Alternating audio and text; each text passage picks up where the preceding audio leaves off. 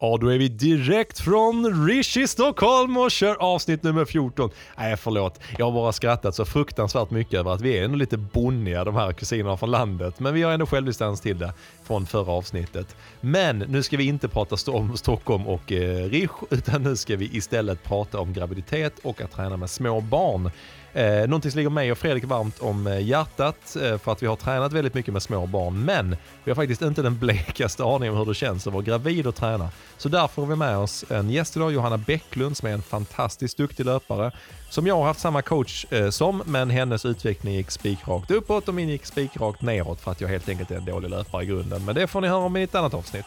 Vi har dessutom ett eh, trepartssamtal som inte är en terapisession utan snarare ett gott snack mellan eh, mig, Fredrik och hans bättre eh, hälft Jeanette. Och Fredrik har en jättekonstig lek med en massa barn. Alltså det går, ni kan inte få missa det här bara helt enkelt. Så nu är vi dags för avsnitt nummer 14 av Löpning och livet med Fredrik och Simon. Så nu kör vi!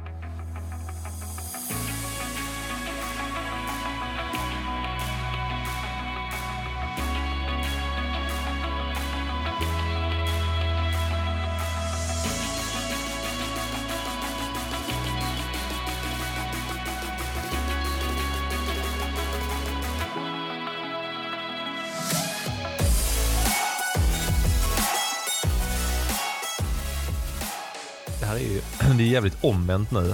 Klockan, klockan är halv elva.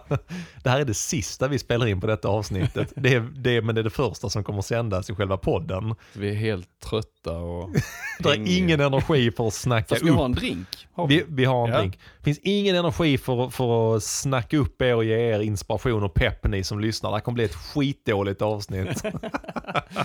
Nej, det är det. Det, det är faktiskt, eh, det har varit riktigt kul att spela in. Mm, ja. vi har haft eh, min bättre hälft med i, i programmet och Äntligen. pratat lite eh, små barn och Mm. eh, graviditet och löpvagn och allt möjligt. Prata om Blandat. små barn, bara i allmänhet. Ja, massa, precis. massa olika små barn här och små barn där. Exakt. Ja, Precis. men vi, vi var ju tvungna att lägga upp det lite olika för att ofta när vi har folk som eh, ska vara med och gästa och sådär så har vi ofta dem först. Men Mm. sen så ville vi också skona Jeanette från en sen kväll. Så, vi tog, så nu har vi gjort allting om en ordning. Men äntligen, vi sitter här med drinken Fredrik. Ja. Lyssnarna har ju ett eh, fantastiskt spännande avsnitt framför sig. Mm. Och eh, va, vi måste ju ändå prata, vi måste ändå prata om det som ingen annan podd pratar om. Mm. Veckans, veckan som gått. Men vi kan tillägga, vi, jag tänkte på det, vi kan till och med bli att vi har veckan som kommer istället eller någonting. Ja. På torsdag ska du och jag faktiskt ha lite lunchdate och, Ja. och vi har inte hunnit med att liksom prata om de första 14 avsnitten av podden och sånt och vad fan som vi ska göra framåt. Förmodligen kommer det se ut ungefär som det gör nu, men liksom så här utvärdera lite grann. Så det ska Exakt. bli kul. Ja, det ska bli faktiskt. jättekul. Bli Eh, reflektera lite och eh, fundera på framtiden. Mm, bra. Men det är, eh, hur ser din vecka ut, den som har varit då Fredrik? Eh, nej men jag besväras ju fortfarande av mitt knä tyvärr. Mm. Så att eh, det är, jag blir inte riktigt klok på det. Eh, ibland så eh, har jag ont när jag börjar springa. Mm. Eh, och ibland så får jag ont eh, och så, så släpper det efter kanske en 4-5 kilometer. Så jävla märkligt. och sen ibland så har jag ont eh, lite längre in, att jag inte Mm. känner någonting i början och sen kommer det efter 4-5 kilometer. Så jag vet Mm. inte riktigt vad jag ska tro faktiskt. Nej. Men ny tid är bokad med eh, sjukgymnast-Jocke. Ja. Så att, nej vi får se. Det är Mm. väl förmodligen helvila i två veckor eller någonting som, Ja. som gäller. Men vi får, vi får testa här framåt. Ja. Eh, annars det har varit lite små distanspass och cyklat lite Mm. och, och haft mig. Helvila är ett ord som ingen löpare gillar. Nej, Alltså det, det är att lägga skorna på hyllan och... det är som att dö. Ja, alltså lite så, bara helvila, man bara... vill inte. Nej, precis. Det är ungefär som skilsmässa eller något där. Fått sparken. Väldigt laddat, Helvila. väldigt laddat ord. Helvila, man bara, man bara känner att det liksom vänder sig ut och in i Vill, magen. vill du prata om det? Nej. Nej, vi låtsas som något annat. Exakt. Ja, Men Simon, Mm du har haft en roligare vecka. Jag har haft en mycket, mycket roligare vecka. Eh, lite, lite sån beklagande, eller beklagande så här eh, med avslut nu idag tycker jag. Men veckan som har gått har varit fantastisk. Eh, jag har kunnat börja springa igen. Jag tittade på senaste sju dagarna så jag har sprungit fyra gånger tror jag eh, och cyklat en gång. Så jag har varit noga med, jag tog beslut här till helgen att jag vågade nu, för jag har ju haft en tanke om att springa varannan dag. Och det har hållit. Och nu till helgen kände jag att nu, bör, nu vågar jag börja springa varje dag. Men jag håller det fortfarande sjukt kort. Jag hade ju mitt test i lördags, jag var ju extremt osäker på hur, eh, hur är egentligen flåset när man ska springa? så jag fick ju följa med, du och jag ligger ju sist i vår träningsgrupp Ja. nu, alltså långt sist. Alla Mm. andra har ju accelererat och är i superbra form. Och du och jag är van, vana vid att vara frontrunners där och Mm. vara de som är längst fram, nu vi Mm. är sist. Så jag fick ju följa med eh, elitgänget, Mm. eh, de som kör 5, 4, 3 kilometer Mm. och stegrande fart. Jag fick följa med första tre kilometerna och då fick jag be dem att bromsa lite. Men jag sa som, som ändå den som sätter schemat så sa jag att nu får ni fan do me a solid och så får ni hålla nere tempot lite, lite grann. Så jag hängde med dem eh, tre kilometer i nästan ren medvind längs den promenaden. Men lyckades hålla fyra fart. Det var, Ja, det det var liksom min tanke. Ja. Det är bra. Så att eh, jag hade tre kilometer på 12 minuter. Det kändes nog som att jag hade kunnat klara fem kilometer. Mm. Och det tänkte jag i så fall testa nu till helgen. Ja, okej. Så på lördag ska jag försöka springa 5000 under 20 minuter. Men du vet ju också Simon att du, är ju, du kommer ju tillbaka jäkligt fort alltså. Så är det faktiskt. Det har du gjort, Mm, det har du gjort det. förr. Mm. Så att, eh, du verkar inte så orolig. Nej det gör jag inte och lite grann så, det är lite grann där med känslan också nu med att komma igång och börja springa varje dag. Så Mm. det gör ingenting om det är fem kilometer varje dag. Eller, liksom, eller jag, jag kommer inte springa exakt varje dag men känslan av att springa fem dagar i veckan kanske och springa Mm. fem kilometer. Det är nästan det viktigaste för mig nu bara känna att jag kommer in i kontinuiteten. Mm. Och då var det lite så, igår och idag tycker jag att det har känts ehm, Alltså det är svårt, vi pratade om det. Jag har inte, jag har inte ont i foten men den är liksom inte eh, Ja men jag är lite så mm, aktsam bara. Men det är svårt för samtidigt är min vänsterfot helt jävla ovan också. Så jag, jag är Mm. trött i den när jag Mm. springer också. Så det är svårt att veta vad det är som är att jag bara inte har sprungit på jätte, jättelänge. Mm. Och om det är så att jag liksom, eh, ja, jag, jag lyssnar av kroppen väldigt, väldigt noga helt enkelt. Ja, men det, är, det är lite eh, vanskligt det där med skador och eh, vi pratade ju med Jocke i förra avsnittet om det här med att, att det inte är nödvändigtvis så att eh, det är bara där du har ont som du kommer ha Nej. problem utan du kompenserar och du liksom ehm, hittar sätt att uh, man säger, eh, springa med eh, den här Mm. smärtan så att du kanske sätter i foten på lite annat sätt Mm. som gör att du får ont någon annanstans. Ja. För då aktiverar du kanske muskler som du inte brukar aktivera när du springer i ditt löpsteg. Så det är ju lite så, man får vara lite eh, uppmärksam på det där när man Mm. har en skada. Att, eh, att verkligen känna efter i Ja. hela kroppen också. Ah, ja, tyvärr är det ju så. Mm. Men det är någonstans tyckte jag, förra avsnittet var väldigt inspirerande tyckte jag. Många Mm. plan. Även när jag lyssnade på det och Jag tycker det är rutinerat av oss att vi går och skadar oss inför ett sånt avsnitt. Så vi liksom ja, gud. Man får lägga upp, eller, eller hur planerar ni avsnitten? Nej men det är liksom så här beroende på var vi ligger till i fasen själva. Ja. Nej men det, det, det känns ändå, jag är väldigt optimistisk Mm. och tycker att det känns fantastiskt att få röra på mig lite Mm. grann igen. Så att, alltså vi går ju mot de här, eh, mot ljusare tider, vi går mot eh, de här härliga passen Mm. på heden i, ja. i bara splitshorts och Ja, alltså, solglasögon. Du, 10 gånger 400 meter Mm. i eh, 19 grader Mm. utan tröja, start varannan minut Mm. och bara på med spikskorna. Mm. Det kan jag längta efter. scrollar igenom bilderna ibland och scrollar ner, alltså när man vill ha lite inspiration, att man har de här härliga bilderna från eh, de här eh, ju, ljumna sommarkvällarna som man varit ute och, Mm, och sprungit i vindstilla Helsingborg. Mm. Det, är, det är grejer det. Det The händer Win- knappt The Windy aldrig. City. Ja, The det, Windy det är City. ju Sveriges Chicago och Chicago är USAs Helsingborg. Det har Ja. vi konstaterat. Vi är snart där igen. Ja, det är gött. Men du Fredrik, nu ska vi fan rocka igång det här avsnittet, eller hur? Det ska vi. Ja, Så nu kör vi väl veckans drink va? det gör vi.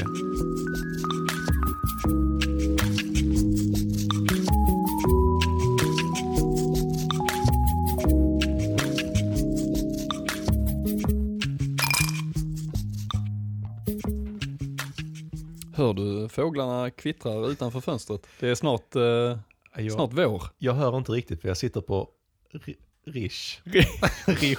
Rish heter Rish. det. För det var, det var bonnigt konstigt. Rish. Det var du som sa det sen. Jag, jag, Det var inte jag.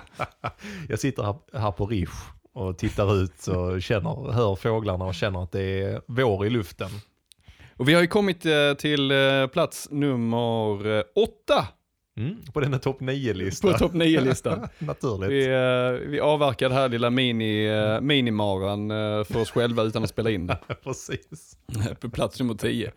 Men nu är vi på plats nummer 8 och vi är, vi är fortfarande i Stockholm. Mm, kan man väl ändå På säga. Ri- Rish. Ja, mm, tycker jag. På, på, på, på Rish.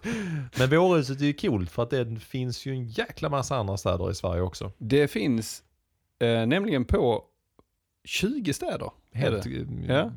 Bisarrt. Det, och man börjar i Malmö den 27 april. Mm. Är det 2021. Mm. Och sen är det Helsingborg, sen är Halmstad, Norrköping, Göteborg, Vänersborg och så vidare. Och så vidare, och så vidare. Herregud, tänk vilket, vilket eh, sån här traveling circus det där är. Alltså det, Ja. det är eventgänget som åker runt och kör de Men är det, är det, funkar det så? Är det liksom boxat och klart och så smäller de upp det på Ja, varje ja, ort? både och. Jag tror, eh, av den lilla insikten jag har i Helsingborg, så är det så att den lokala klubben arrangerar väl själva loppet, men Mm. där är ändå ett gäng som åker runt med så här bågen och även, eh, om du, eh, fan nu, jag säger alltid fel på en massa saker varje avsnitt, så det kan lika Är det Blossom Tatum som har varit eh, huvudpersonen, eller Marie Serneholt? Särnholt är det. Serneholt, ja precis. Ja. Så de följer ju också med i det här re resande Ja, hon är fortfarande ambassadör kan man säga. Ja, eller eh, konferencier, eller vad säger man? Ja men vad man kallar det för, Ja. ja, men typ så. Mm. Ja, spokesperson liksom på något sätt. Så jag tror det är ett litet gäng från Vårhuset som åker runt, men sen är det liksom den lokala klubben på Mm. plats man arrangerar. Så att det är en väldigt eh, snygg och bra setup och eh, jävligt trevligt lopp, trots att du och jag aldrig har sprungit och aldrig förmodligen kommer att få springa det heller.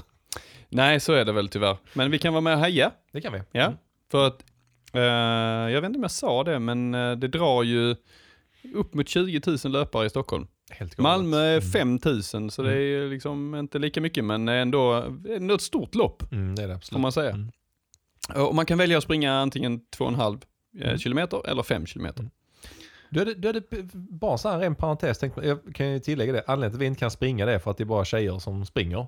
Ju, Det- det, var därför jag liksom inte Om springa. folk undrar. Men du har ju tajmat det jäkligt fint utan att veta det till att vi pratar om graviditet och löpning med graviditet. Så helt plötsligt med, pratar vi vårhuset också. Timing eller med vilje. Ja, precis. Det är bara tur. Jag har Fredrik. mina stunder, Fredrik. Ja, precis, Fredrik. precis. Men det är ju en fantastisk eh, drink vi håller i. Ja, det är det och eh, vi ska väl prata lite om den också. Mm. Eh, och den heter Mm. ju, den heter ju Spring Fling Cocktail. Ett, ett väldigt, väldigt bra namn till vårhuset tycker jag. precis. Spring Fling. Eh, och i den, det man gör är att man, du börjar, en Boston Shaker Mm. har ju de flesta tänkte jag säga. Jag hoppas det, annars får man köpa det. Det är som du skakar eh, is och eh, ja, skakar din drink i liksom. silvrig metall eh, Precis. variant, Liksom. Med, eh, eh, ja, med ett lock som du kan ta av. Så. Vet du varför det, nu ska jag inte gå, vet du varför det heter Boston Shaker? Nej, det Nej. vet jag inte. Nej. Men jag tar reda på det till nästa gång. Ja men gör det, bra. Ja. Mm. Eh, och i den så ska du muddla jordgubbar och eh, gurkstavar som du kan då, eh, du får ta bort skalet och så muddlar du det i botten. Och sen häller du på lite eh, ju, eh, lemon juice, alltså citronjuice. Och du häller i lite sockerlag och eh, citronvodkan. Mm. Och sen skakar du ihop det där, häller upp det i ett glas, ett eh, ja, men highball-glas, Mm, ett högt det. glas. Och så i med is och sen så kan du då fylla upp med, Mm. med klubbsoda. Det här låter ju, det här är faktiskt en av de här drinkarna som folk kan blanda hemma. Mm. Och sen så, i sann anda som du och jag är ibland när man inte har exakta ingredienserna. Citronvodkan borde man kunna använda vanlig vodka men Jajamän. kanske... Ta lite extra citron. Ja, ta lite Ja. extra citron liksom. Det går jättebra. Men den är ju verkligen, det är en ren hälsokur den här drinken ju. Verkligen. Ja, Det, tänker jag. Den känns ju ändå fräsch på något sätt. den är väldigt fräsch. Och du kan ju göra en mocktail på denna ganska lätt också. Ja just det. Ta Precis. i eh, lite, ja, men ta i, ja, men du kan bara ta bort uh, vodkan helt enkelt. Och ha gin istället. Ha, ha gin istället. Exakt. Alkoholfri fattat- gin. Jag har inte fattat vad mocktail är så jag bara... Nej. Ja, Nej, den här är super och den här eh, ska vi blanda mycket nu när det blir lite mildare och ljusare ute, tycker jag. Vad tycker du Simon? Det, det, det, det känns mer rimligt att dricka den en eh, vårdag när, eh, en lördag klockan två när barnen är nöjda ute i trädgården och vi sitter på altanen. Mm. Men nu är klockan eh, halv elva en tisdag kväll i början på februari. Det funkar nu också. Men du behöver inte dricka upp den heller. Kan, Det, det kommer ju, den, ju, den kommer ju ta slut. Härligt. Vad bra, Nej, men då har vi pratat lite om Vårruset, ett lopp som eh, är väldigt populärt och eh, som kommer förmodligen att genomföras i år. Det hoppas vi verkligen på. Hoppas vi verkligen. Ja. Så eh, till det säger vi väl bara skål. Skål säger vi.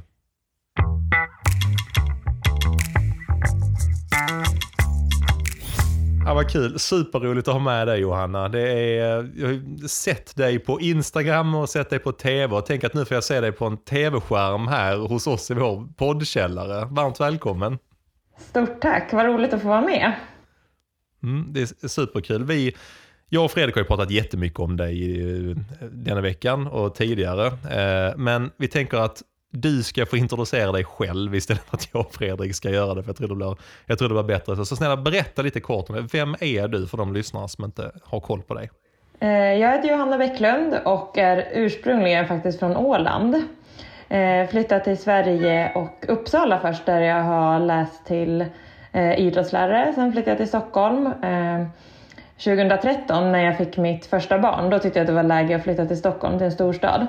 Eh, så jag gjorde lite bakvägen, men då...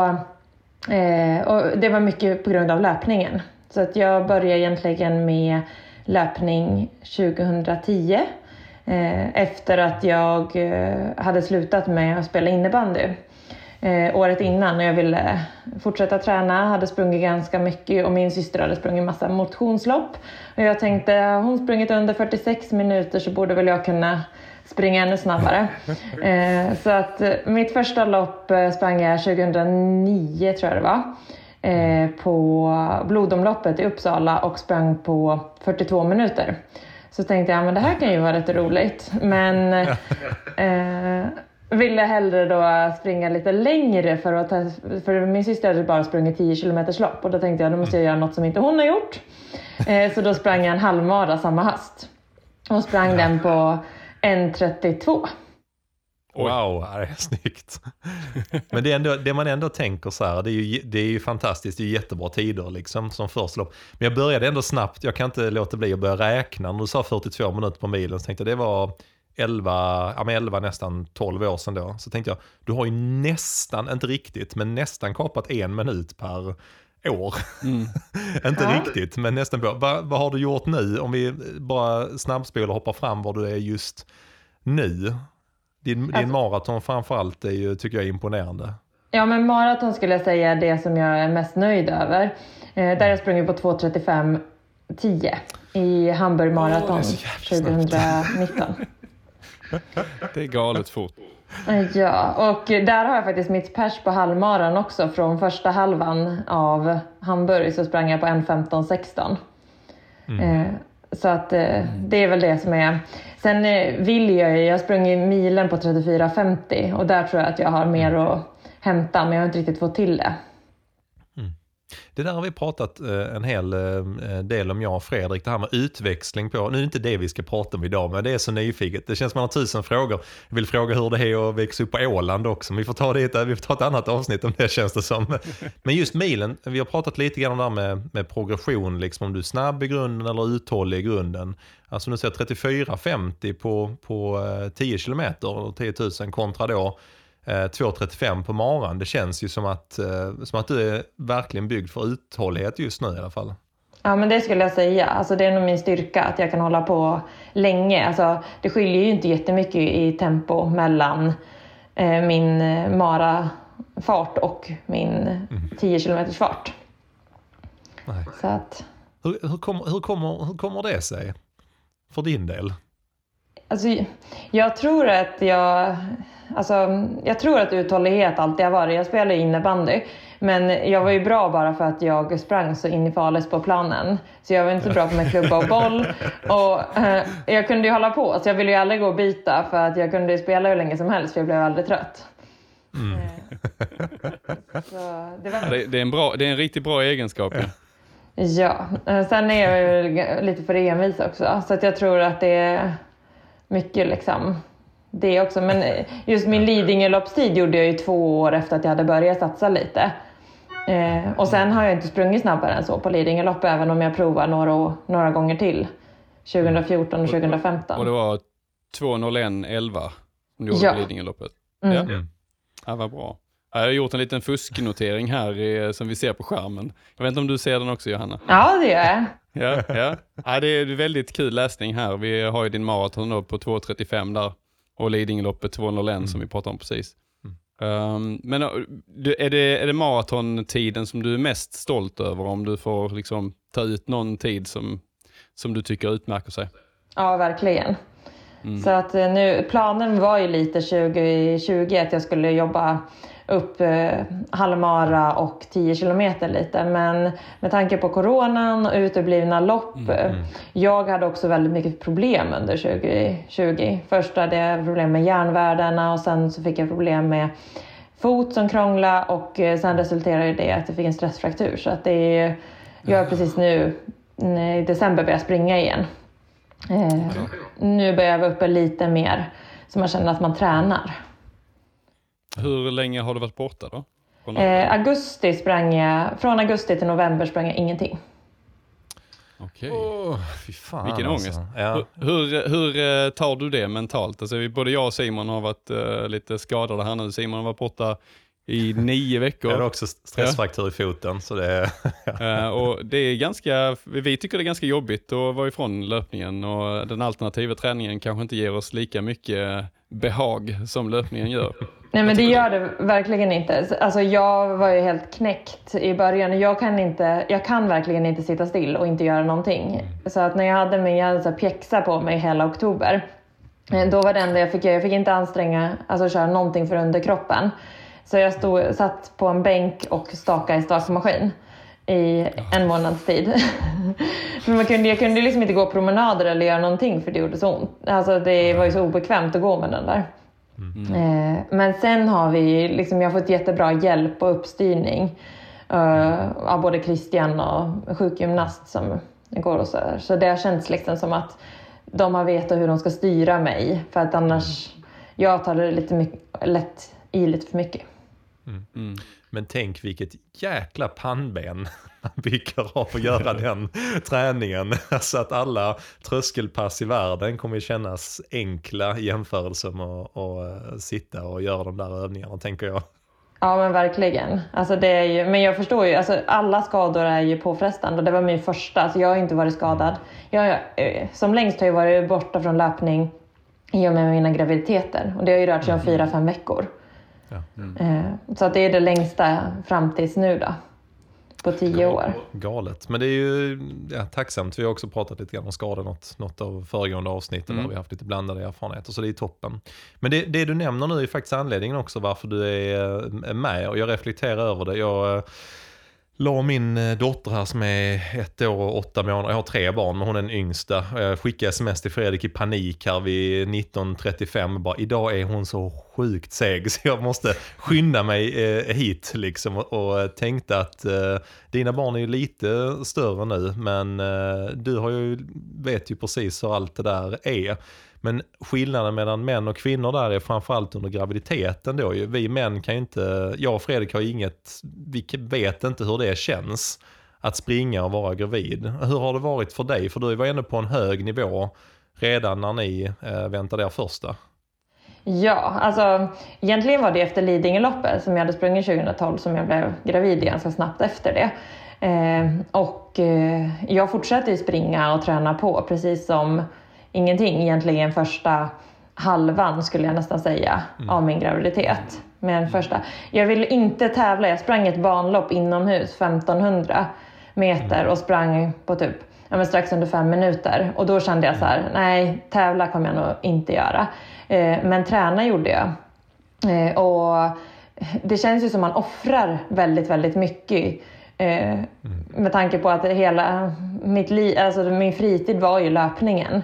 Och jag ville ändå kunna springa men det alltså, och på något sätt så flyttades fokus lite från att prestera till att liksom mer göra det för att jag tycker att det är roligt.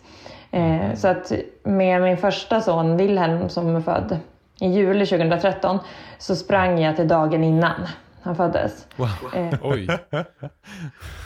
så att, eh, och det var liksom samma morgon när, vi, när han sen föddes. Så jag hade fått reda på kanske två veckor innan att han satt i säte och de gjorde ett så vändningsförsök. Eh, och då hade vi också fått reda på att eh, vi skulle få en igångsättning. Eh, och den, den skulle vara 15 juli och det här var 10 juli på morgonen. Så sa min man, eh, ska, vi, ska du springa idag? Jag bara, tror inte det.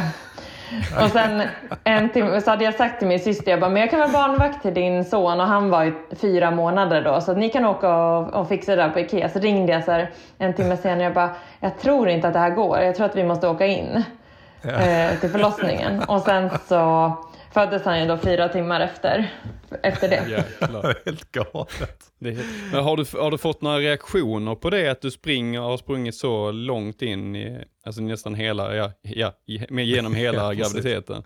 Eh, har du fått liksom, några reaktioner på det på sociala medier eller? Jag, var, alltså, jag har inte lagt upp så mycket på sociala medier under mina graviditeter. Eh, men eh, alltså jag fick ju väldigt mycket kommentarer och när jag var ute och sprang. Det värsta var nog kanske när min man, jag tyckte inte att det var så kul på slutet att springa själv utan jag ville gärna ha någon med. Så jag tvingade med min man att springa för då sprang vi kanske fem kilometer. Eh, så jag tvingade med honom varje dag. Så en dag sa han så här, men jag orkar verkligen inte springa. Jag bara, men då får du cykla med mig. Så då fick han cykla bredvid mig och jag sprang. Så att, alltså, och han sa så här, vi gör aldrig om det. Vi sprang genom Tantolunden. Så att det satt ju hur mycket folk som helst. Det här var typ i juni så det var ju jättemycket folk ute i parkerna och de tittade ju på oss som vi var helt galna. Jag som hade liksom världens största mage och han som satt på en cykel bredvid och cyklade med. Eh, så den eh, är Ja, den, den synen är ju lite speciell. Uh, Ja. Måste jag ändå säga liksom att, att eh, det är kanske inte så vanligt att se en höggravid kvinna springa eh, och jag kan tänka mig att du kanske höll ett ganska högt tempo också för att vara, liksom, om man jämför med en motionär. Så att eh, det, det var nog ganska uppseendeväckande. Ja, men eh, jag hade ju väldigt mycket stöd. Min syster är utbildad barnmorska.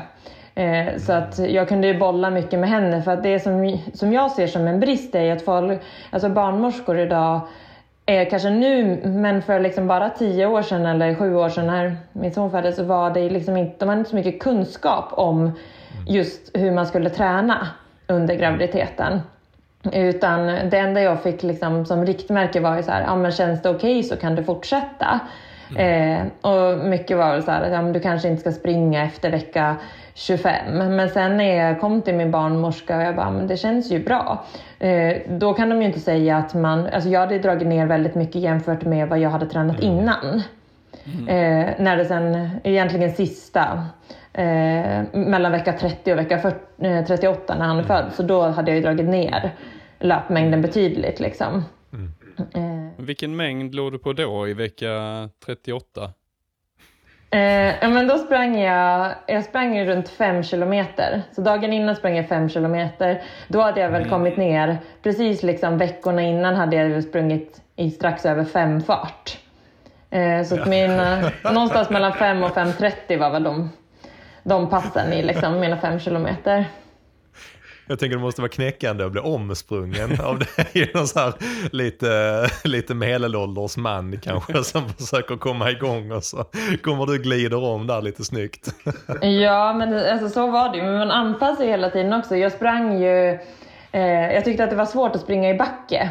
Eh, så att jag fick ju, på slutet så fick jag ju välja rundor som var väldigt flacka. Så att jag sprang ju liksom samma runda varje dag. Men jag har ju liksom inga problem med att det är monotont och tråkigt. Nej, precis. Det. Alla maratonlöpare har, har det gött där. Men jag tänker just med vad, eh, alltså förutom det, det uppenbara att, att det är ett eh, barn inuti magen och magen växer. Vad händer liksom med kroppen under, alltså för din löpning och sådär? Hur, hur känns det att träna när man är gravid? Alltså, det som jag tycker är, är ju att det blir ju inte så att man går upp i vikt fem kilo på en gång. Utan det går ju successivt. Så att kroppen hinner ju ändå med. Eh, och vänja sig hela tiden. Jag tror att för en del, alltså just det här med trötthet, det finns ju så mycket som kan hända i kroppen när man blir gravid. Att man blir illamående eller trött eller Sådär. Eh, och då är det ju så lätt att man inte vill fortsätta träna. Alltså oberoende om det inte handlar om att man ska springa som jag gjorde, men att träna tror jag också är en sån grej att ju mindre man sen tränar, det är lätt att ha ursäkten att ja, men jag är gravid så nu är jag så trött så jag orkar inte träna. Och det tror jag att ska vara liksom, jag tror att det nästan är, är värre, men att man successivt hela tiden känner att kroppen ändras så blir det ju inga drastiska utan man får ju anpassa efter hur, hur liksom utvecklingen blir. Eh, sen vet jag ju, och det är ju en del eh, alltså elitlöpare som får problem med foglossning. Likda, mm. Likadant andra och de kan ju inte träna vidare. Mm. Så jag hade väl eh, tur under mina graviditeter att jag varken mådde illa eller haft problem med någon foglossning mm. eller andra saker. Så jag har inte haft så mycket gravidkrämpor. Mm. Eh, och det har väl gjort att jag har kunnat träna på ett annat sätt än vad många andra klarar av. Var båda graviditeterna lika varandra? Uh, kände du liksom att, de, att du kunde träna lika mycket med båda barnen? Ja, men det skulle jag säga. Det var lite tyngre på slutet med det andra. Eh, och det är ju, jag tror att jag var, alltså generellt var man ju tröttare när man redan har ett barn. Eh, så att eh, det tar ju lite mer energi. Eh, så att jag var lite, jag, sista veckan med andra så körde jag lite crosstrainer istället för att sprang. Så att jag sprang väl till veckan innan med andra barnet. Mm. Du har alltså tränat igenom hela, båda graviditeterna? Ja. ja, jag har tränat helt rakt igenom. Ja. Och hur, Johanna, jag tänker sen efter, efter förlossning och sådär, hur, hur har dina, alltså jag tänker både dels hur dina tankar har gått, eftersom du har ju ändå liksom en, alltså du har ju andra ambitioner än vad många motionärer har med sin löpning med tanke på din nivå. Alltså både rent mentala vad det gäller att sätta mål och sådär, men även liksom hur du har kommit igång. Har du känt dig liksom stressad att komma igång eller har du alltid känt att det har funnits en lugn plan, lyssna på kroppen eller sådär? Hur har du resonerat efter, efter liksom förlossningarna? Alltså, jag har ju tyckt att eh, jag gärna ville komma igång ganska fort. Eh, och jag, jag har ett, liksom, jag, jag, är en sån person som inte kan liksom, inte röra på mig. Så att eh, mm. min första son är född med kejsarsnitt. Eh, så där fick jag ju liksom Eh, jag fick promenera, men det var ju redan så här, första två dagarna så kunde man ju knappt liksom gå ens inne på sjukhuset. Liksom. Och sen när vi kom hem så de bara, men du kan ju gå kortare rundor. Men det tog ju en vecka så gick vi ändå så fem kilometer. Mm. Jag bara, men nu känns det bra. Och det kändes ju, jag fick ju liksom inga problem av det. Utan, men jag kunde känna att, ja men, man, att jag kanske fick bromsa mig några gånger. Men jag, jag tycker ändå att liksom, jag tror att det var, jag var mer försiktig andra gången när jag hade en, en liksom, ja, normal förlossning, så ska man inte säga. Men eh, en vanlig förlossning då. Eh, att då kände jag mig mer, då hade man ju haft så mycket mer tryck neråt. Eh, vilket gjorde att man, jag var rädd för framfall och andra saker. Mm. Och sen så kände jag mig som jag visste att jag hade liksom slarvat efter första graviditeten var väl med styrkan. Så jag hade varken kört så mycket bäckenbottenträning, jag hade inte kört den här, alltså, så här, fokus på magträning och få ihop liksom, och mm. inte så mycket styrka. Så det kände jag ju efter andra graviditeten att nu ska jag verkligen fokusera på att jag ska bli stark. Mm. Eh, så att jag började ju, eh, ja, men, första gången började jag springa efter fyra veckor. Och då mm. började jag ju springa varannan dag och så gjorde jag det så mm. att liksom Eh, redan i början så blev det ju tre, fyra pass i veckan. Och sen fortsatte jag med det och sen byggde jag på och så blev det ju upp eh, mot eh, liksom normala efter några mm. månader. Liksom, att man kom upp i lite mer mängd. Passen var inte så långa men just det att man gjorde någonting varje dag. Eh, medan med den an med, efter min andra son så körde jag styrka och eh, lite alternativ träning de första fem mm. veckorna. Mm. Tog du in någon speciell hjälp för just äh, styrkedelen? Alltså äh, specifikt för, äh, alltså efter förlossning om man säger? Alltså det jag gjorde var att jag körde den här mamma mage. Mm. Mm. Så den körde jag en hel del. Där, eh, den tyckte jag dock var lite för, den var lite för basic för mig så jag fick, liksom, fick göra samma sak tio gånger och det var ju väldigt segt. Men Eh, jag körde den i alla fall och sen så eh, det enda jag hade liksom läst var att man ska vara lite försiktig med att inte köra så mycket enbensgrejer till att börja med.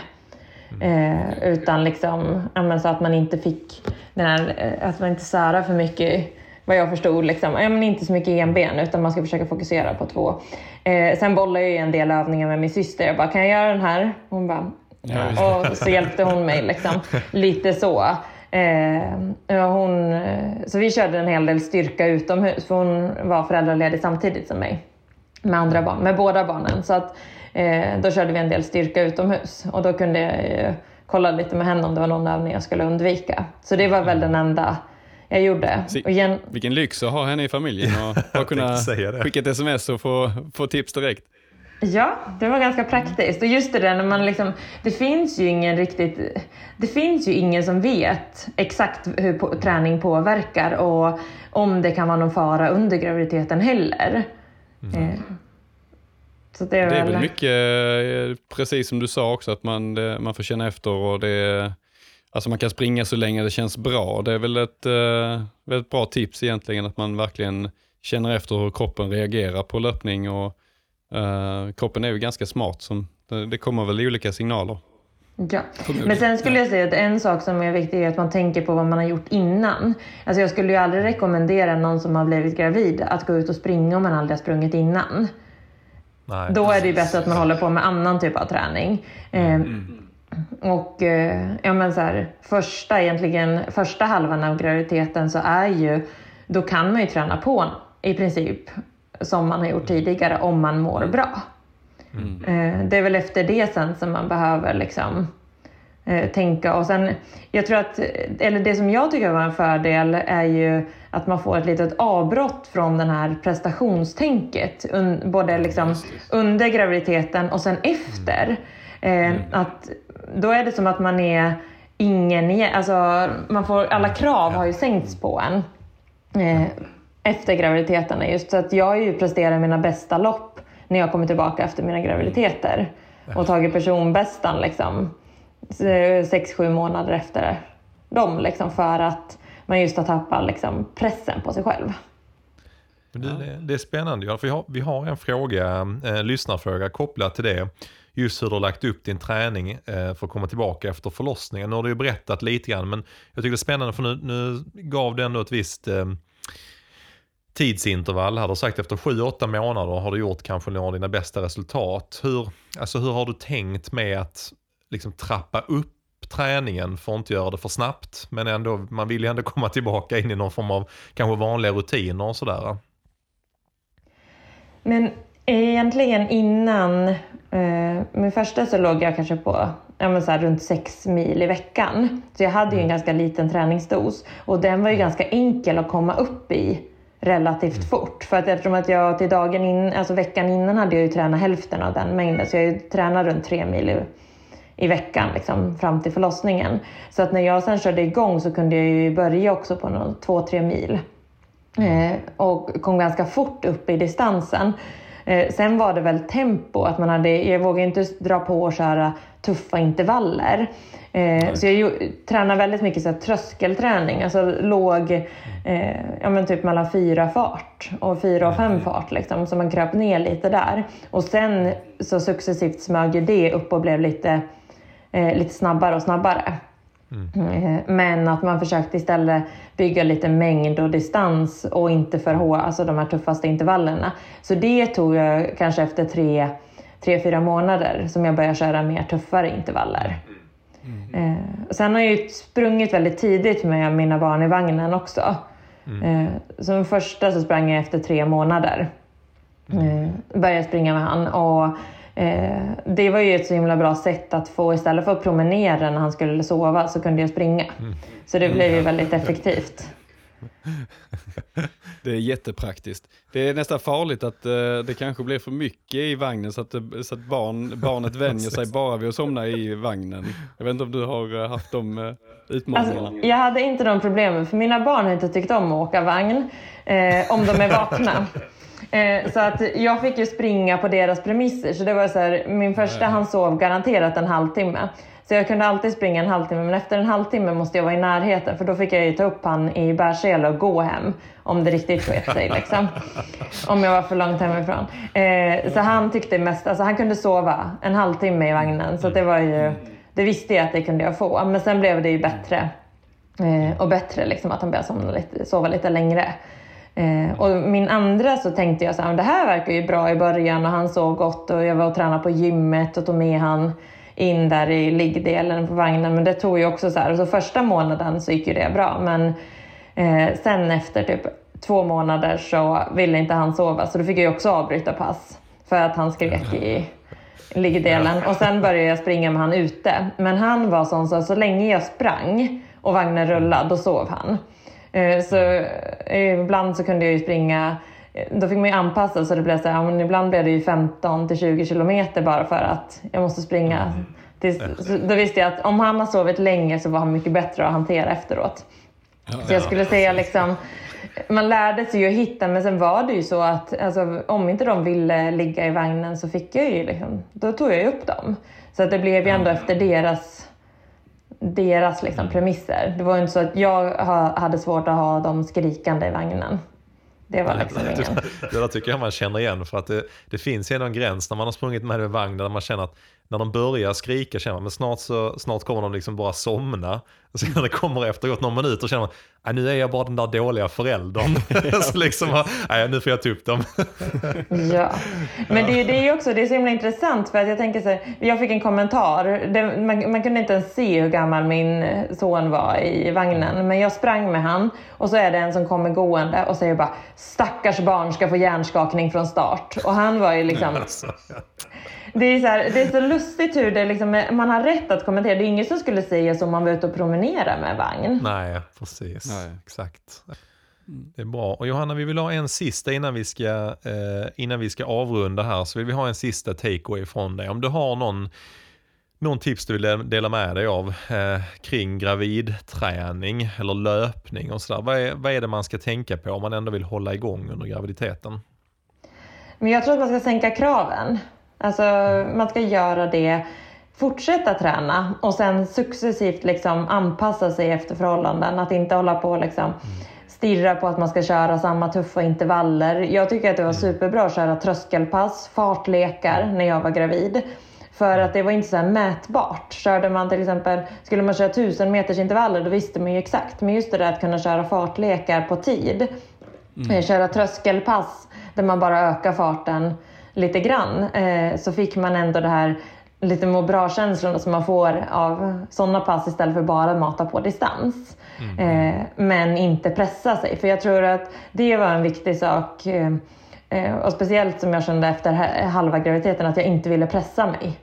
Mm. Eh, mm. och det tror jag är ganska viktigt att ha med, att man inte ska pressa sig för mycket för då tror jag att det kan liksom påverka just att då behöver du ju Eh, reglera kost, för det kan ju vara, alltså, när du tränar, är gravid så behöver man ju se till att barnet får eh, tillräckligt med energi. Ja, just det. Också. Ja, men bra, jag tyckte det var ett superbra sista sista tips. Och Johanna, vi, kommer ju, vi har ju liksom eh, tvingat dig till att vara med en vända till lite längre fram här eftersom du också poddar om, om eh, löpning. Så vi, försöker liksom, vi fångade upp dig direkt och sa det också. Eh, eftersom du är väldigt engagerad i Run Academy. Så att det mm, ska bli superkul att få ha dig, läng- ha dig med oss längre fram också. Men tack så jättemycket för att du tog dig tiden till det här. Det var jättekul att få prata med dig om detta. Ja, stort tack. Det var jätteroligt att få vara med och prata med er äntligen har vi fått med min, min drömgäst i det här avsnittet. Och det är ju ingen mindre än Fredriks bättre hälft, Jeanette. Välkommen ner i poddgrottan. Hur känns det att vara här? Har du varit här tidigare? Aldrig. det är första gången. Det känns skitbra. Eh, jag, jag kommer få äran att få introducera dig. För att jag tycker det känns fel att introducera dig som Fredriks bättre hälft. Jag skulle snarare vilja vända på det och säga att Eh, om jag skulle introducera Fredrik skulle han vara din sämre hälft. Jag skulle liksom hellre vilja utgå ifrån dig och sen att Fredrik är en parentes. För mm. enligt, rykt, enligt rykten så är det faktiskt du Jeanette som fick in Fredrik på löpning från första början. Stämmer. Stämmer? Ja. Hur gick detta till? Ja, Nej, men jag har ju sprungit i väldigt många år faktiskt. Mm. Började med att jag spelade fotboll egentligen. Ehm, Mm. Och när jag slutade med det så fick jag fortsätta röra på mig. Mhm. Typ. Och då fortsatte jag att springa. Var spelade du fotboll någonstans? I, har ingenting med saken att göra men jag är nyfiken. Först i Borslöv och sen i Mm. Rå. Mm. Mm. Borslöv, det är... Och jag har också spelat i Borslöv faktiskt. Mm. Ja, just det, Ja. så är det. Så. Så då har vi alltså, vi har, du har spelat fotboll i Borslöv, Mm. du kommer från eh, en håla och jag kommer från en annan håla. Så vi har ändå liksom gemensamma nämnare, alla Absolut. tre känns det som ändå. Ja, jag, jag var ju tvungen att börja springa för att, eh, för att kunna liksom charma in mig på, på Jeanette. Jag var ju tvungen fall. att liksom hänga på där. Men Jeanette ryktade att ni träffades ju inte i löpspåret. Nej, verkligen inte tänkte jag säga. Vi träffades på en nattklubb. Det är så fantastiskt. Sirocco. Ja det är fantastiskt. Shoutout till, till eh, Sirocco som jag, tror- jag vet inte om det finns längre men det gör, vi är väl så gamla nu så det gör det kanske inte. Ah, jag Nej, det är vet det är nog inte nedlagt. alltså. Jag tror, jag tror inte det. Coronatider är allt nedlagt. Så Jo, det- just nu är det stängt i ja. alla fall. Ah, ja, Men ja, Jeanette, ja. hur, hur lätt var det att få med Fredrik på en eh, löprunda? Nej, men det var, det var enkelt. Du, du är inte så svår att ha att göra med tänkte jag säga. Och hur, hur såg din relation till, till löpning ut eh, då? Du, det var inte så att du satsade på att springa springtime på en tid då eller? Nej, verkligen inte. Ursäkta. Jag har eh, egentligen alltid varit bara en sån som springer för att det är skönt att röra på sig, Mm. komma iväg och ja, bara sprungit för att må bra egentligen. Mm. Ehm, men när jag träffade Fredrik så tyckte vi ju ganska snabbt att det var kul att springa ihop. Mm. Och det tog ungefär en vecka, sen var han mycket bättre än vad jag var. Är inte det lite typiskt Fredrik att har man ett intresse så tar han över det? lite så. jag vet vad du tycker. Ja, jag vet, jag vet vad jag är på väg nu. Jag har, jag har ett sms jag vill läsa upp från Eliud Kipchoge också. Nej, jag skojar bara. Nej, det var inte alls svårt att få med honom faktiskt. Det var Mm. enkelt och sen har det egentligen fortsatt på det Mm. sättet. Men träning för dig Jeanette har alltid varit egentligen eh, naturligt eller så. Och löpning har varit det du har, du har fastnat för. Mm, absolut. Mm. Det får jag säga. Mm. Det, är, det är svårt att toppa det på något sätt. Mm. Man börjar direkt när man sätter foten utanför dörren och Mm. sen är man eh, färdig när man sätter foten uppe på trappsteget igen. Mm. Liksom, när man kommer hem. Det är, svårt att, det är svårt att slå känslan. Men din relation till löpning ändå, jag har ju fått eh, ta del av det här från sidan. Du har gjort en resa med din löpning, inte bara, ja vi kan ju nästan hoppa fram till, vi satt och försnackade här innan. Och eh, du har sprungit backe idag. Ja, ja, 10 gånger 300 meter gissar jag i Jordbodalen eller ja något. strax under. Ja. Strax under, ja precis. Det är till, precis, det är till och med som är nere på meter nu. Ja, Ja. ja. Lite, ja, lite kortare. Så. här. Och du pratade innan om när du sprang i Maria Park och det var eh, jobbigt för att du råkade trycka på fel eh, grej på klockan. Ja, det var... eh, Ja, det, blev, det är så frustrerande. Alltså det just det här med att inte kunna analysera och titta. Ah, Speciellt var det drygt under tiden jag sprang, för jag kunde inte riktigt Mm. ha koll på... För det är ändå ett pass man vill sätta. Man har någonstans en plan innan Mm. man gör, gör eh, passet och så kan jag inte se om jag riktigt håller planen. Nej, Då blir det lite jobbigt. Jeanette du låter ju som en löparnörd. Mm. Hon har blivit det. Jag har Ja. faktiskt till och med kallat mig själv för det någon gång. Hon har gått om mig i hästlängd också när det kommer till att sitta och analysera pass och räkna på tider och planera veckor och ja, chatta i träningsgrupper och alltså jag ligger ju verkligen i lä nu.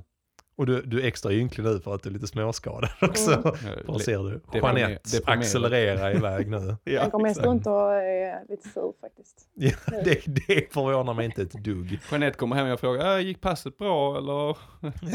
jag vill egentligen inte höra, men eh, Det har du inte frågat.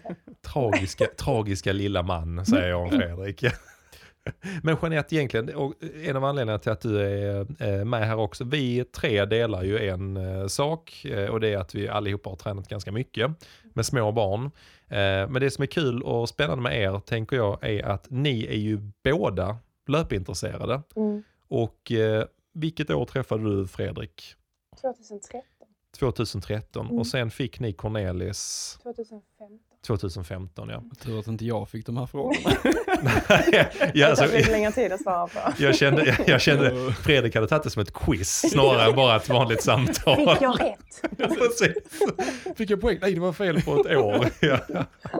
Men hur, hur resonerar du Jeanette? För jag menar du som har haft liksom fotboll och haft löpning sen när ni fick eh, Cornelis. Hur tänkte du liksom kring din träning och löpning då? Vi skaffade löpvagnen när Cornelis var sex månader ungefär. Mm. Och jag började springa igen efter eh, förlossning och så vidare när han var Mm. fem månader. Mm. Ehm, och då kände jag nog ganska snabbt att det här var ju, det gick bra första gången jag sprang Ja. och jag kände att det här vill jag komma in i igen Mm. utifrån att ha varit borta ifrån det en rätt så lång stund. Ja. Ursäkta, Det är lugnt. tillsagd jag skulle säga det först. ja, precis. Vett och etikettregler. Man måste säga precis. ursäkta efter man har räknat sig. Alla har överseende med nu att man går runt och hostar. Det är liksom, Precis. Extra varning. Mm. Eh, nej, och det var ju ett väldigt bra... Jag menar när Fredrik var och jobbade så vill inte jag vänta på att han ska komma hem. Mm. Det var alltså ha möjligheten att gå ut när, när man vill på dagen Mm. och kunna natta Cornelis i vagnen eller Mm. ja, vad det nu kan vara. Att inte vara upphängd på, på Fredriks eh, rutiner och, och tider. Ehm, och sen framförallt möjligheten att kunna springa tillsammans eh, var ju den största egentligen anledningen till att vi skaffade vagnen.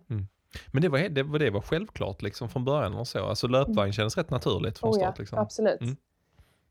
Det, det tycker jag det var. Nu var det lite så att vi måste ju testa Cornelis lite för alla Mm. barn är ju inte... Alla barn vill ju inte Nej, nej precis. så det, är ju, det återstår ju att se lite grann hur, hur barnet reagerar i vagnen. Mm.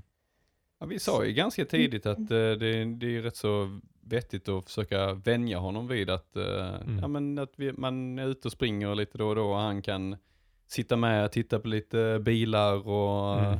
spana efter fåglar och lite annat. Så att eh, spela lite musik och Mm. sådana saker. Så Mm. att eh, Mm. försökte få in honom tidigt på att vänja sig vid att ja, men det där är en del av, det är, det är liksom en del av livet och en naturlig del. Precis. Någonting man tvingas till och får Ja, vänja exakt. sig vid. Mm. Muta med godis och sånt som vi inte säger här. Så. Ja, nej, men absolut. Alltså det, vi gjorde vad vi behövde typ, Ja, men det, för att vänja honom.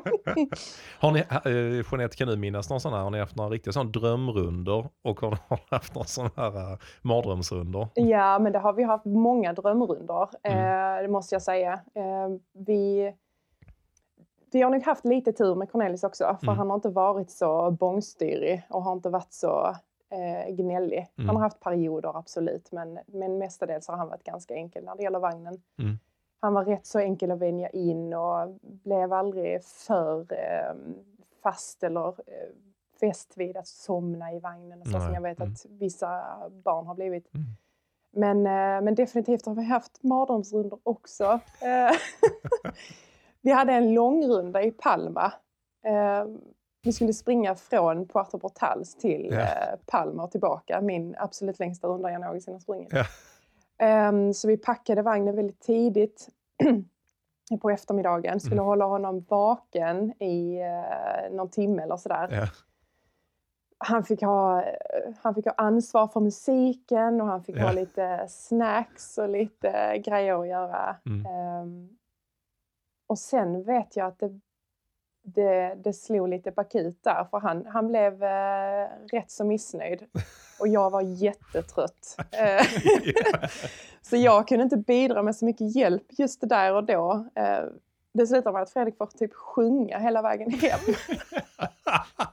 Julen på bussen, de går runt. Ja, runt. och Mora Träsk Ja, Mora Träsk, vi allt. körde igenom alla jag kunde. Och En, en halvtimme in i den sångstunden så är man inte så jävla... Nej men det är ganska kuperat eh, på eh, Mallorca också. Mm. Eh, och uh, uppförsbacke med vagn är ju ingen, ingen höjdare och, och, och få liksom sjunga samtidigt också i, Nej. i backen. Det, ja, det var, Men, Men du det- gjorde det bra.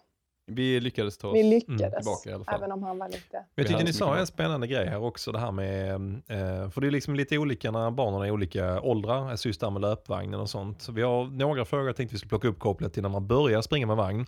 Men det här är ju någonstans också mellanperioden, eller jag kallar det den här eh, avgörande vägen, när de kommer till två, Mm. tycker jag, då är det nästan så här, antingen kommer de fortsätta och älska sitta i vagnen, Mm. eller kommer de fan aldrig sätta sin fot där igen. Ja.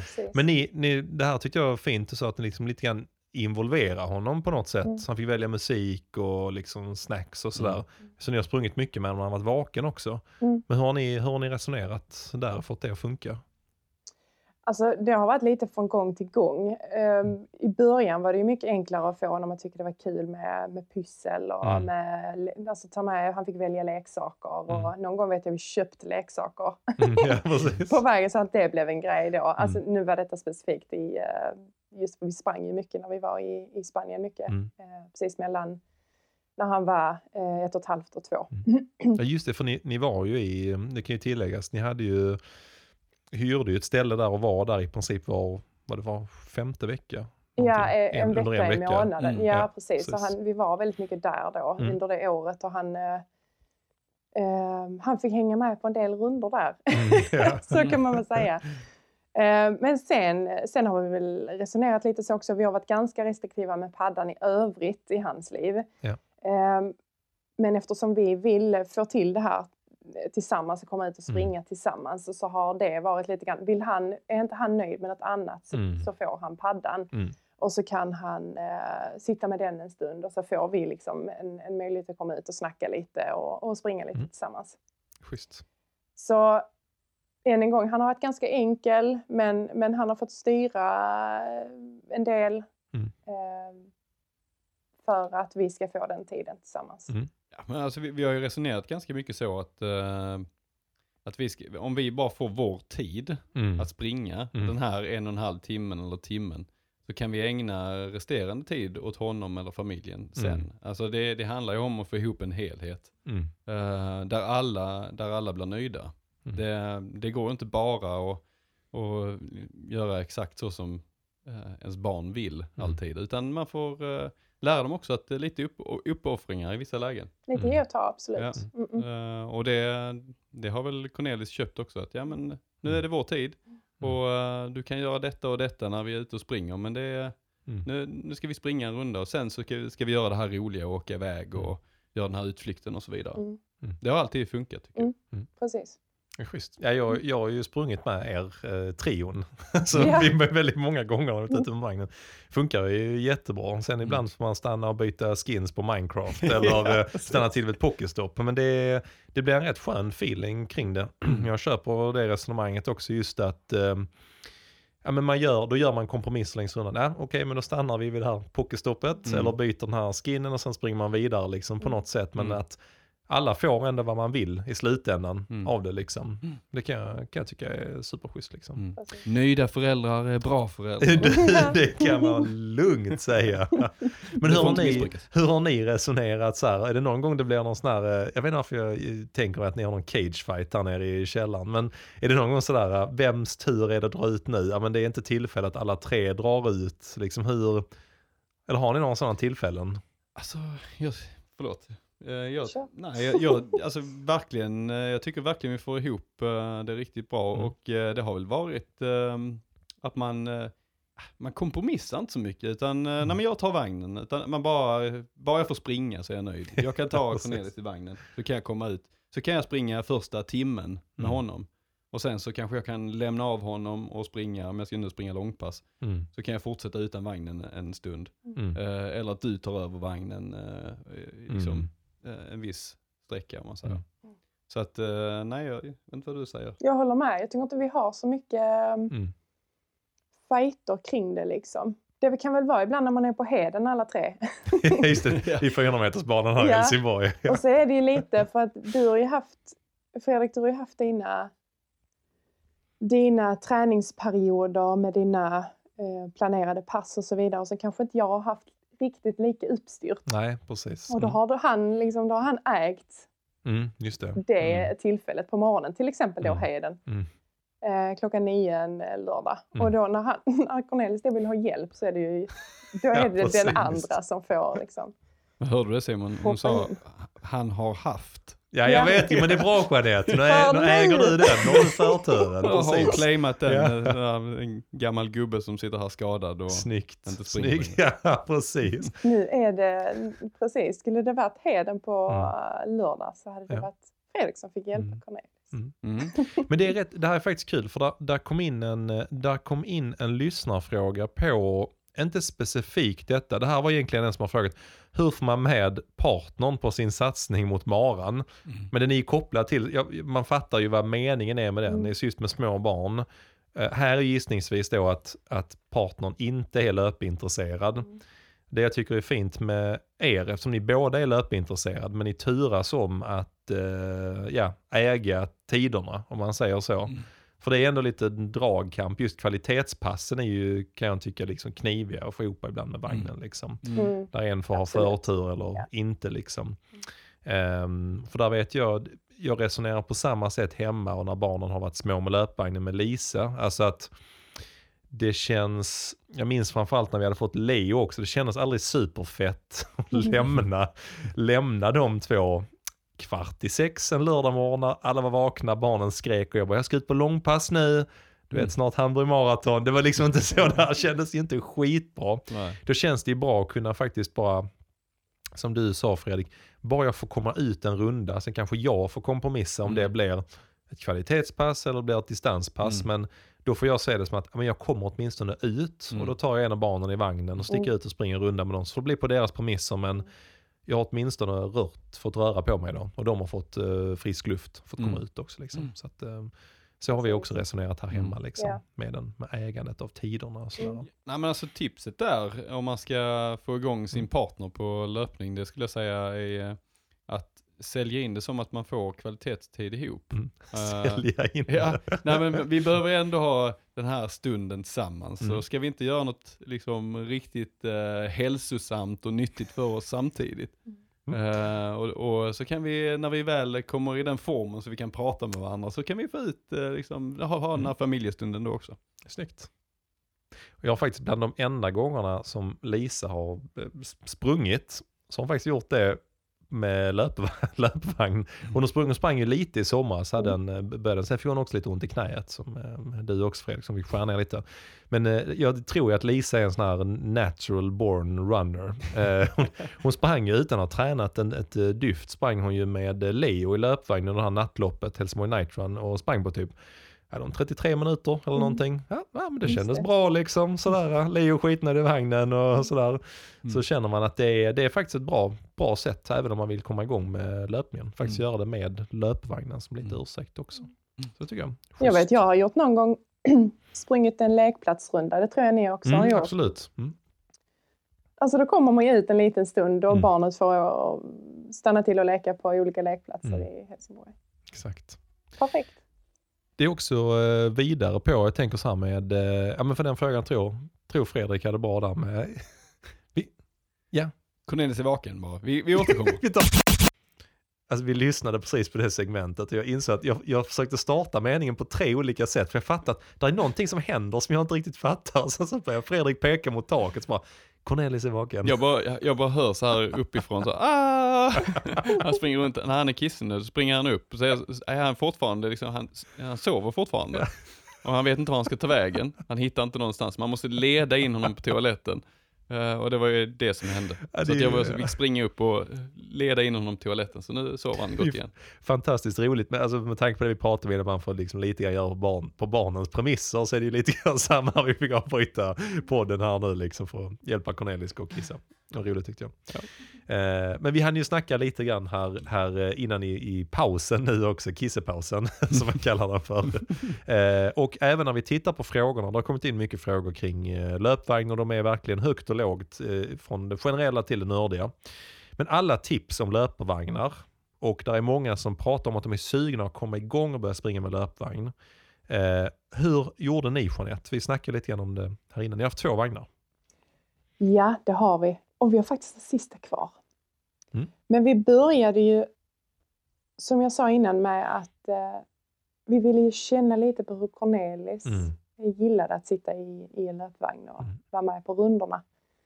Så vi testade ju, vi köpte ju en ganska ja, men en prisvärd, billig Mm. eh, löpvagn till att börja med för, att- för att testa honom lite. Mm.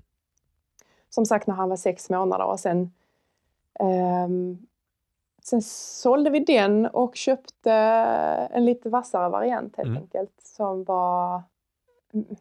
Vi ville ju också ha en vagn som vi kunde både springa med och använda Mm. ehm, hela tiden Mm. i stort sett. Mm.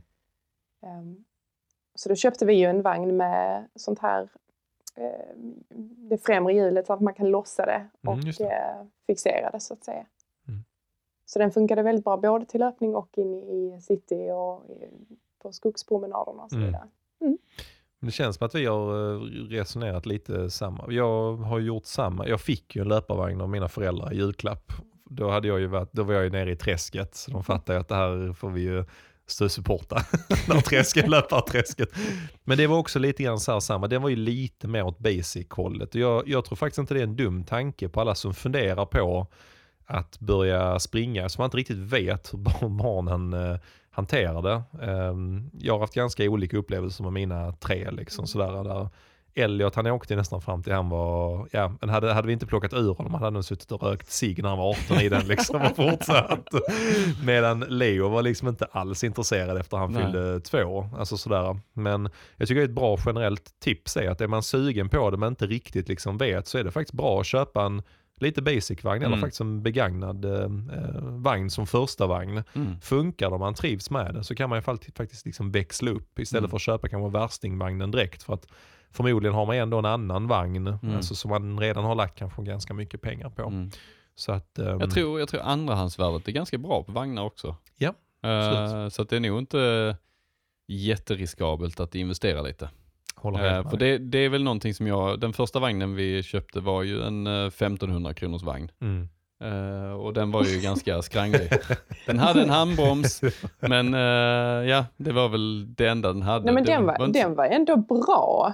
Ja men inte att jämföra med, vi känns, köpte vi ju Ja, Thule nej. Urban Glide. Det är klart, man får ju lite vad man betalar för. Men, eh, men jag tyckte ändå den, där var handleds, handleds den här säkerhetslinjen runt handleden. Mm, mm. Det var ändå bekvämt för honom att sitta. Det Mm. var fjädringar. Alltså jag tyckte ändå den var Ja, fempunktsbälte och så vidare. Så att, Mm.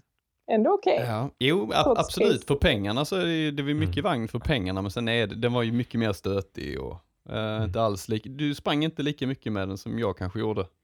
Så att jag får, jag får, får säga att jag kände mer på den Du, du är du. ute på ha- du är ute på hal is nu. Fredrik. Kommer du ihåg vi har pratat om det här för Jag, jag zonar, Direkt- zoomar ut igen. Direkt, direkt bara ge, gå tillbaka, gå tillbaka. nej men jag, nej precis, jag kan, ehm, jag gjorde ju samma också här men jag köpte ju en sån här, en, jag googlade ju world's, world's fastest running stroller, googlade jag när jag skulle köpa min, min andra vagn. Eh, för där, är, där kan man också se skillnaden eftersom ehm, Lisa inte använde den överhuvudtaget så blev den ju bara min. Och då kände jag att då, då ska vi se till att springa snabbt med den här jäkeln. så det är så jag resonerar. Men där Vad är också heter Thules uh, racingvagn? Ehm, den heter ju eh, den heter Thule Glide. Glide ja. Så att våra är ju vad heter det, sy- syskonmodeller till varandra. Mm. Urban Glide är ju mer den, alltså om man är ute efter att kunna använda den i några andra sammanhang också, så är den modellen ni har svinbra. Kunna svänga runt i en butik utan att slå ner allting som är på hyllorna. Men vill du ta, vill du ta eh, kurvan i långvinkeln vid kilometer 7,5 på springtime jävligt fort under loppet. På ett hjul. på ett hjul. Då ska du, jag, har nog, eh, jag har nog aldrig varit så nervös i mitt eh, föräldraliv någonsin som under den loppet när vi höll på att välta i eh, trefart nerför backen där. Men det tar vi kanske lite längre fram den storyn. ja, nej, men det är väl lite så här olika vägval man kan ha för det med, med vagnar och sådär. Eh, Jag tycker egentligen jag tycker egentligen kanske ni har valt det mer sunda valet, alltså man vill ha den till användning till någonting annat.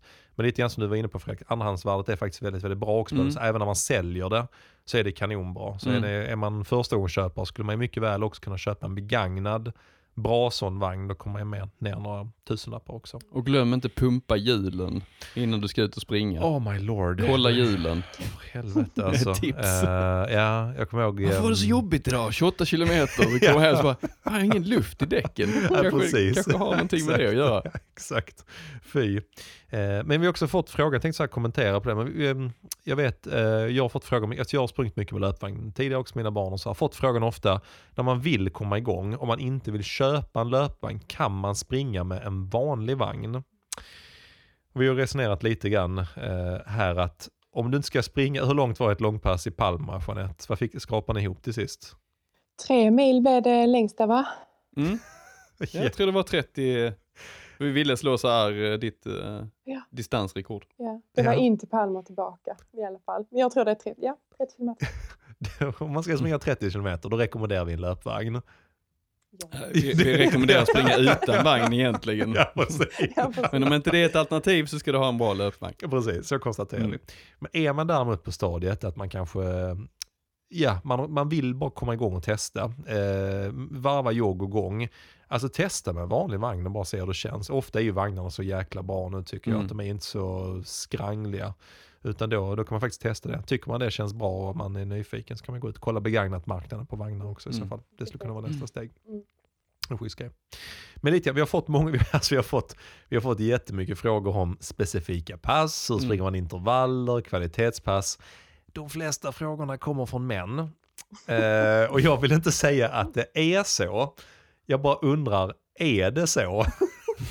Jeanette och Fredrik, hur har ni resonerat? Har ni sprungit, vad är det för typ av pass ni har sprungit med vagn? Och vem har sprungit vad? Ska jag börja? Mm, börjar du. Det känns fel att jag börjar svara på den här frågan. Bra, du lär dig, du det lär dig Fredrik. Ja, precis, det. ja. Nu pratar jag ändå, så nu är jag Ja. tyst. Nej, men alltså jag, eh, jag börjar ju springa mycket med eh, vagnen för att komma igång igen. Mm. Så det var ju korta pass Mm. några gånger i veckan. Ehm, och sen är det ju, och, och sen har det varit om jag har eh, skullat ut någon gång när Fredrik har varit på jobbet Mm. ehm, eller om jag, ja men vi inte har kunnat komma ut båda två och Mm. jag ändå har velat gå ut och springa. Så, så har det bara blivit någon distansrunda. Mm. Så att mina pass har ju varit väldigt, ja men inte så långa och inga, Mm. inga fartpass liksom. Det är väl mer, du har följt med mig på något fartpass någon gång. Mm. När jag har haft någon intervall. När det inte, när det inte finns någon annan det- utväg så har jag fått ta med, ja, men jag, kör, jag, jag testar med att eh, springa i fyra fart med vagnen. Det är, det är ganska mycket jobbigare. Ja. Eh, särskilt om det lutar lite uppför. Så att uh, helst eh, kvalitet utan vagn. Ja. Men eh, som sagt, det är, det är jobbigt och då ger det väl också ganska bra resultat Mm. om du kan genomföra det. Mm. Men för min del så har det blivit att ja, men det är distans och eh, långpass. Mm. Eh, ibland så kombinerar, som jag pratade om innan, att man kombinerar att man springer en del av långpasset med vagn och sen att man lyckas Mm. lämna över vagnen eller eh, lämna hem vagnen och fortsätta. Så att eh, väldigt lite kvalitet har jag kört. Ja. Men eh, det har ju hänt att eh, man har fått eh, klämma in det. För man inte får ihop logistiken, ta Ja. med vagnen. Um, Mm. men du har väl också kört lite kvalitet Simon med vagn? ja, jag är väl en av de här männen. Jag är en av de här männen som, som skulle kunna ställa fråga. Ja, jag har sprungit, eh, jag har sprungit riktigt mycket kvalitetspass faktiskt. Eh, men det var lite grann utifrån, ehm, men jag tror också det här är liksom intressant av, beroende på vilken, eh, vilken relation man har till sin partner. Om de vill löpa Mm. eller inte. Alltså Mm. tror jag lite grann som att ni som båda springer har ju också en förståelse för att man vill ju inte springa kvalitetspassen med vagn. Det väljer man gärna bort, Ja. liksom helst sådär. Mm. Eh, medan för mig har det varit ett sätt också att avlasta Lisa. Men då har jag ju liksom ja, men ganska tidigt valt att ja, men då, kan, då får jag nu köra en kval- del kvalitet på vagn. Mm. Och sen gör, är man ju all in person och då har jag tänkt att då ska jag ju springa skitsnabbt med Mm. vagn. Så jag har ju faktiskt tränat och satt mål och sådär med, med löpning i, i vagnen. Eh, så jag har, kört, jag har kört väldigt mycket kvalitetspass med vagn och ehm, har ju som eh, snabbast sprang jag, det har vi en video på, kan vi kanske också tanka upp vid tillfälle. Jag sprang 10 km landsväg med Leo i vagnen på 36.57. Mm. Det var, eh, och han var vaken andra varvet, sista fem kilometer var han vaken. Jag trodde, det var tur att jag inte visste det för det hade nog fått lite panik. Jag trodde han sov hela vägen men det gjorde han inte, insåg jag sen.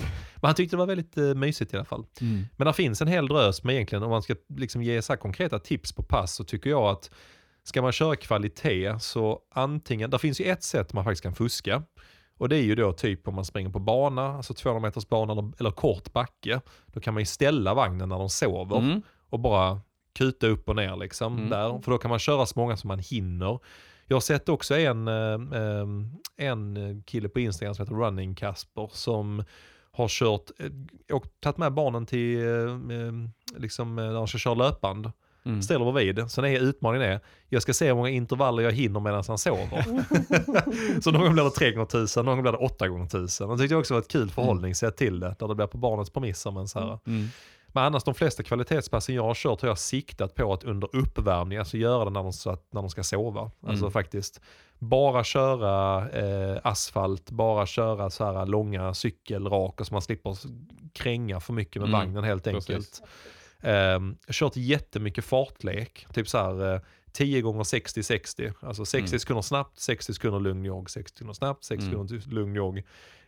5 kilometer, man har kört så här 90-30, 90 sekunder det. snabbt, 30 sekunder långsamt. Mm. Grejen är också, skulle de vakna så tycker de det är kul för det händer någonting med ganska frekventa mellanrum. Mm. Oh, nu springer pappa snabbt, Mm. eller nu går det långsamt, oh, nu springer snabbt. Pappa är trött. Ja, så här, 10 kilometer tempo är inte skitfett när de vaknar efter 3 kilometer. Bara, "Eh, pappa bara 7 kilometer kvar. Ja. Det, det, det brukar bli lite utmaning i det liksom. Alltså tusen frågor. Vad är det för något? Varför är det så? Ska jag försöka svara Åh, nyanserat. När man är supertrött och andfådd. Ja, det var också. Jag har faktiskt testat att springa supertusingar. Mhm. Alltså, eh, ja. På strandpromenaden med Elliot kommer jag ihåg. Då är alltså man kör 500 meter och sen så vilar man en, vad det, 30 sekunder eller vad det är, eller en minut. Sen kör du 400 meter, 300 meter, 200 meter, 100 meter. Men det är sjukt ryckigt med det här, eh, ja, att man stoppar, stannar, stoppar, stannar med vagnen Mm. hela tiden. Mm. Så att eh, generellt tips med pass och sådär, vi kan ju faktiskt lägga ut någon så här bra, fem bra pass för löpvagn. Men Mm. det är lite grann så här eh, fyra kilometer eh, tempo eller fartlek eller någonting liksom. Alltså kortare intervaller. Eh, Mm. Eller inte kortare intervaller, inte sådana 500 och 400 Nej. men liksom ändå så här. Ja, där man hela tiden håller igång vagnen. Jag tror Mm. stannar man för mycket finns en risk att de vaknar eller är de vakna så tycker Mm. de det är tråkigt. Så Mm. att Jag ska gunga lite och Det ska gunga. Vara, eh, man ska vara igång hela tiden. stå och vila är inte eh, rekommenderat när man kör med vagn, det tror jag generellt sett. Och claima din rätt när du, när du springer i en grupp och du har löpvagn så får du alltid välja runda. Helt rätt. Det, det tycker jag. Det är liksom en eh, oskriven regel på något sätt att man får Helt välja rätt. Mm. eh, löpvagnsvänliga eh, cykelstigar Mm. eller Helt rätt. vägar. Det är bra, det, det, då, då får man den den. rätten. Ja, helt Mm. rätt. Vi fick också någon, någon, jag tänkte någon lite, lite avslutande fråga här kring detta när vi skulle gå över till en liten lek som Mm. Fredrik har förberett som man alltid känner sig lite eh, stressad över. Det känns Jag också, bra. denna gången. Ja, det är bra.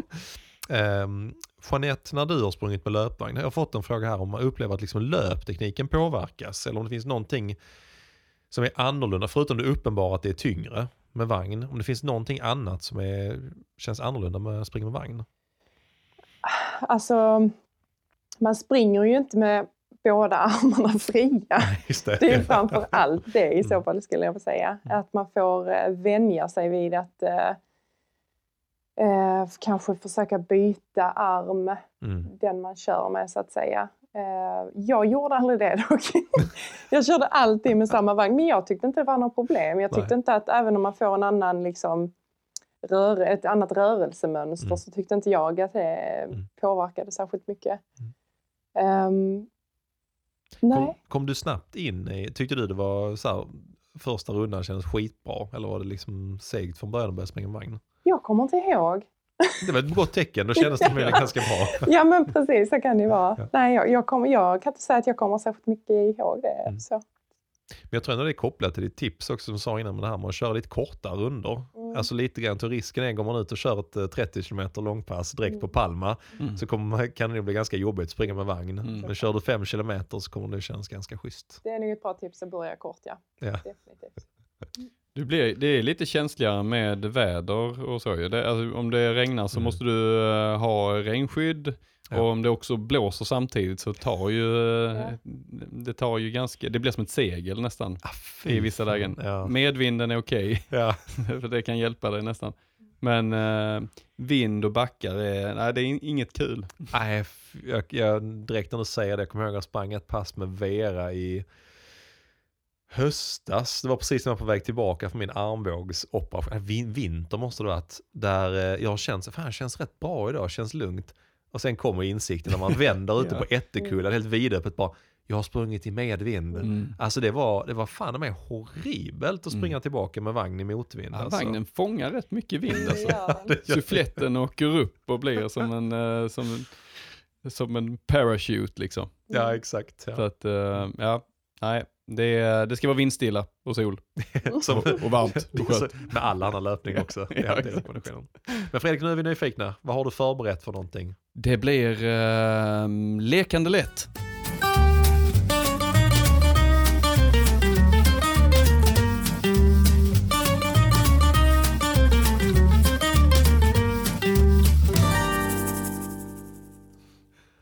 Vi ska alltså leka någonting som heter Lekande lätt. Kommer ni ihåg det barnprogrammet? Nej. Eller det var inget barnprogram. Det var Nej. barn med i programmet för vuxna. Man ska gissa vad barn eh, pratar om och beskriver. Jag är med. Ja, så vi gör ett eh, test här. Vi har eh, en, två, tre, fyra, fem, sex Mm. ord som Mm. ni ska gissa. Eller vad barnet beskriver. Det Är ni med? Det är vi Börjar vi med med första. Ja. Den är fyrkantig. Om man behöver den. Den är alltså fyrkantig om man behöver den. Är det någon som vill gissa? Jag, alltså jag kan gissa. Jag tycker, förutom, det låter som att barnet är från 70-talet och därför blev min gissning tveksam nu. Men jag, jag säger så här, mobiltelefon. Fan. Det var fel. Här kommer ledtråd, det är samma ord. Ledtråd nummer två. Ja, den som man eh, har för att det är någon peng. Ja, som man... Fast det är en lapp. Fast det är bara papper. Det är någon peng fast det är en lapp fast det är bara papper. Ja, alltså. Det låter som när Fredrik försöker förklara grejer i vanliga fall. Eh, vill ni gissa eller ska vi köra sista ledtråden? Och du, du har ingen gissning? Du, Ja, men jag är inne på sedel. Oh, ja, ni är nära där. Men det är inte sedel. Det är något annat som är i papper om man behöver den. Och peng. Men Ja, vad fan. man betalar så kan man få den lappen. Men ett kvitto är det ju. Ja, någon form av kvitto. Men här kommer sista ledtråden. Och först är lång, avlång. Sen när man ska gå in på bion, då river de av här. Och så får man en halv. Okej. Hörde ni ledtråden? Ja. Ma- alltså först, den är lång. Ja. Och sen eh, när man går in på bion så river de av den och så är den halv. Då är, Vet du vad det är Jeanette? En biljett. ja! Härligt! Jag älskar att den går från att den är fyrkantig och man behöver det är den. ju rätt. Det är ju rätt. Ja, men jag älskar att den landar till en biljett. Ja men det är snyggt. Här kommer nästa. Kroppen orkar inte göra något mycket mer. Den orkar inte göra någonting. Men man har blivit så gammal. Okej. Kroppen orkar inte göra något mer. Kroppen orkar inte göra någonting när man har blivit så gammal. Och de, det ska finnas ett ord Ja, till detta. det ska ja, det. Men vad fan är det? Eh, Kroppen orkar inte göra någonting.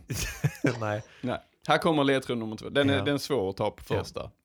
Här kommer nummer två. Man, man ligger bara så.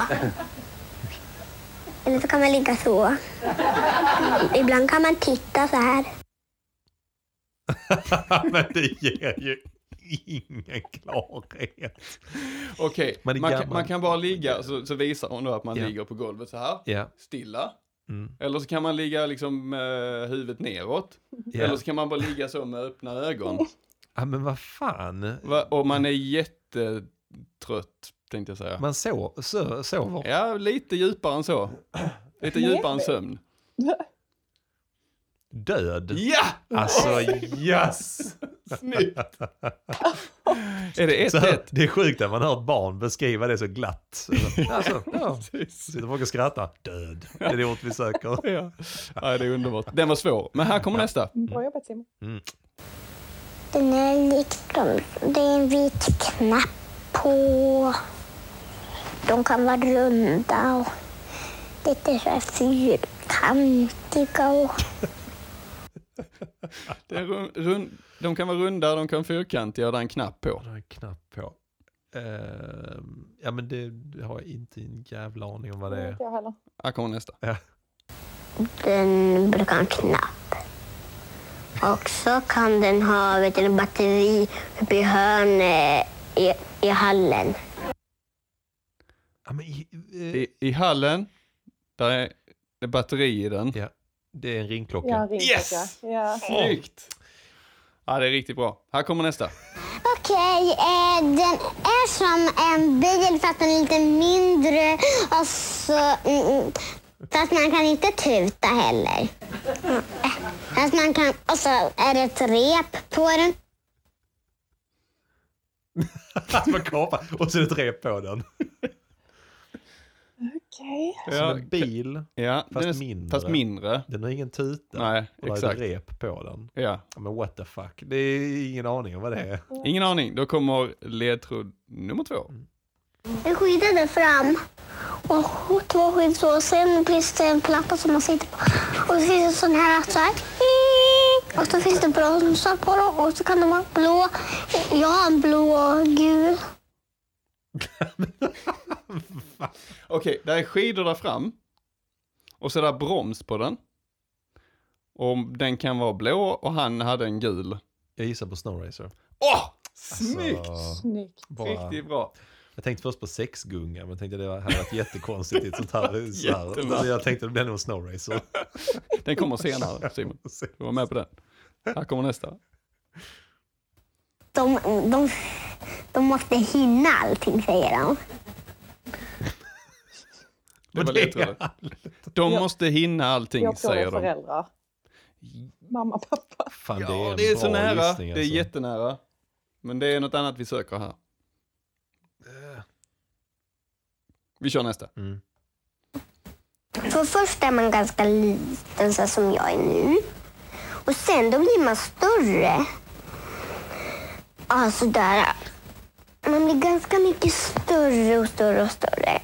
Tills, och så, så till slut är man störst.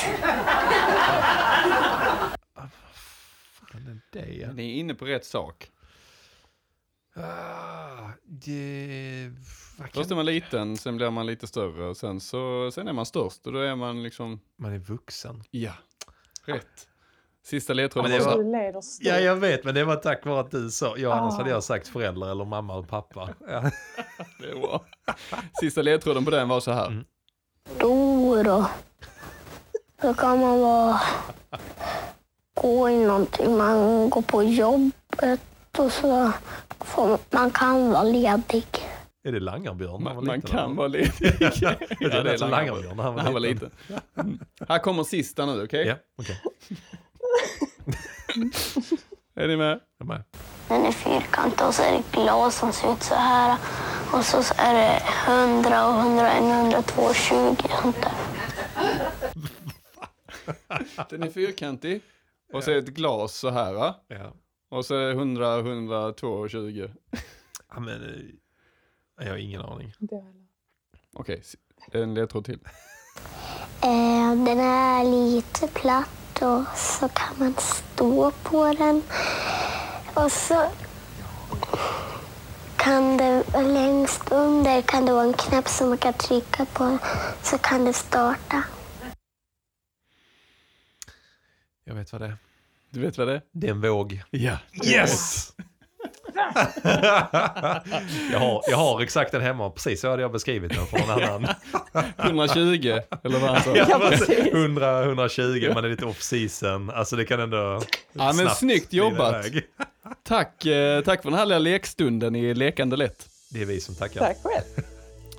Och stort tack till alla som har lyssnat. Vi är självklart tillbaka i nästa vecka. Så ta hand om er. Ha det bra. Hej.